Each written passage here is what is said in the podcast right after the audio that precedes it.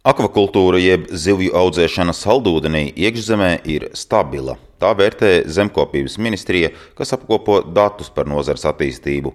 Ik gadu saražojam 650 tonnas zivju, vien pērn Covid-19 ietekmē tirgu nonācis par pāris desmitiem tonu mazāk, jo bija apstājies ēdināšanas bizness.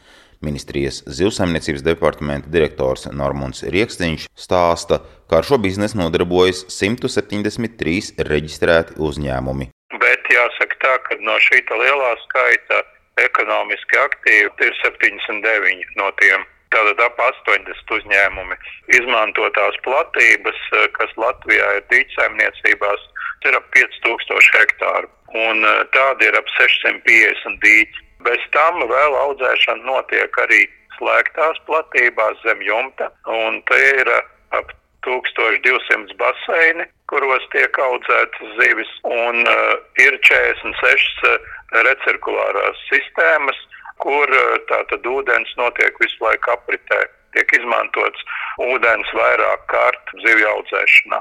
Tās tādas ir modernas un pēdējos gados ir arī pieaudzis šādu recirkulācijas sistēmu skaits. Dīķos pamatā audzējam karpas, kas akvakultūrā veido līdz pat 85%. Pārējos procentus veido foreles, sami un storis. No pērn izaudzētajām 626 tonnām tikai 26 tonnas zivju tika eksportētas, tāpēc var teikt, ka zivis notiesā vietējais tirgus. Mēs ļoti ceram uz to, ka tam apjomam vajadzētu augt, jo ir eh, veikti attiecīgi daudz projekti, ieguldījumi akvakultūrā, un ir eh, paredzēts, ka teiksim, šo ieguldījumu rezultātā jāpieaug šai izaudzētajai produkcijai, bet pagaidām nu, mēs to nenovērojam. Zemkopības ministrijas pārstāvis skaidro, ka nozari būtiski skārus pandēmija, jo pērn apstājies sabiedriskās ēdināšanas bizness, kas bijis liels zivju noņēmējs. Pati nozare gan to īsti neatzīst, jo izaudzē lielākoties karpas, kas restorāniem nemaz neinteresē. Pie pircējiem tās nonāk pārsvarā no veikaliem un dažādiem tirdziņiem, kas krīzi neizjūta tik ļoti.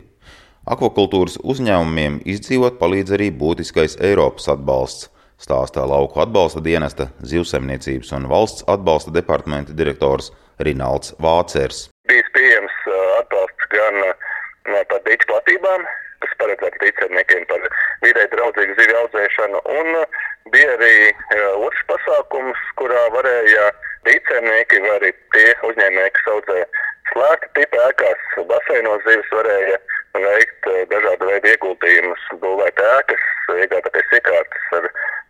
ar 50% atbalstu. Platība maksājuma dīcēmniecībām, tad līdzīgi kā iepriekšējā plānošanas periodā bija, nu, iepriekšējā bija 33 atbalsta pretendenti, šajā plānošanas periodā bija 34 atbalsta pretendenti. Ja nedaudz vairāk kā 5 miljoni mēs visām šīm saimniecībām esam izmaksājuši.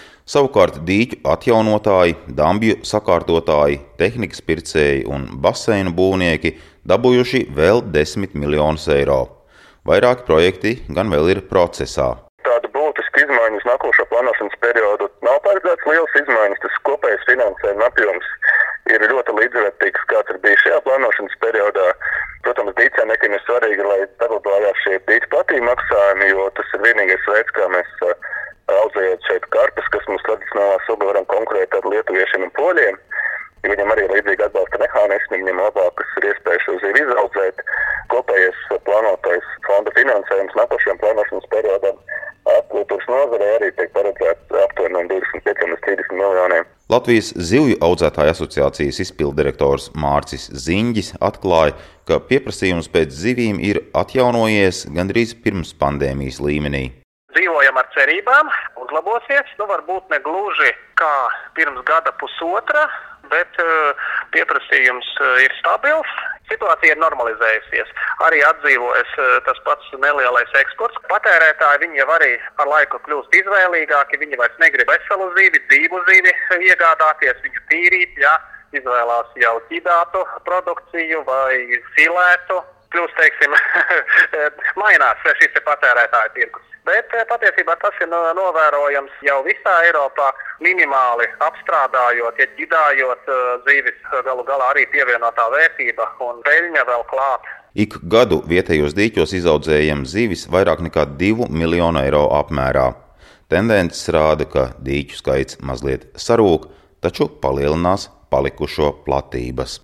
Edgars Kupčs, Latvijas radio.